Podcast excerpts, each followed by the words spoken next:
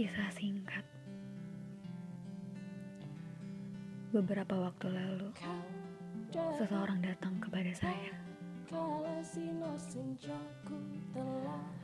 Dia datang di saat kapal saya benar-benar tenggelam.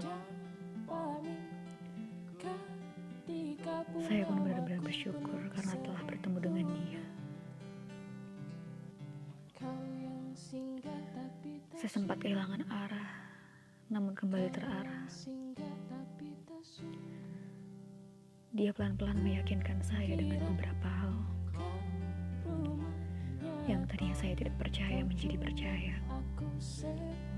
yang tadinya saya ragu menjadi yakin. Dia menemani hari-hari saya untuk berlayar. Dia pun mengajak saya diskusi banyak hal. Saya senang bisa mengarungi hari-hari saya bersama dia.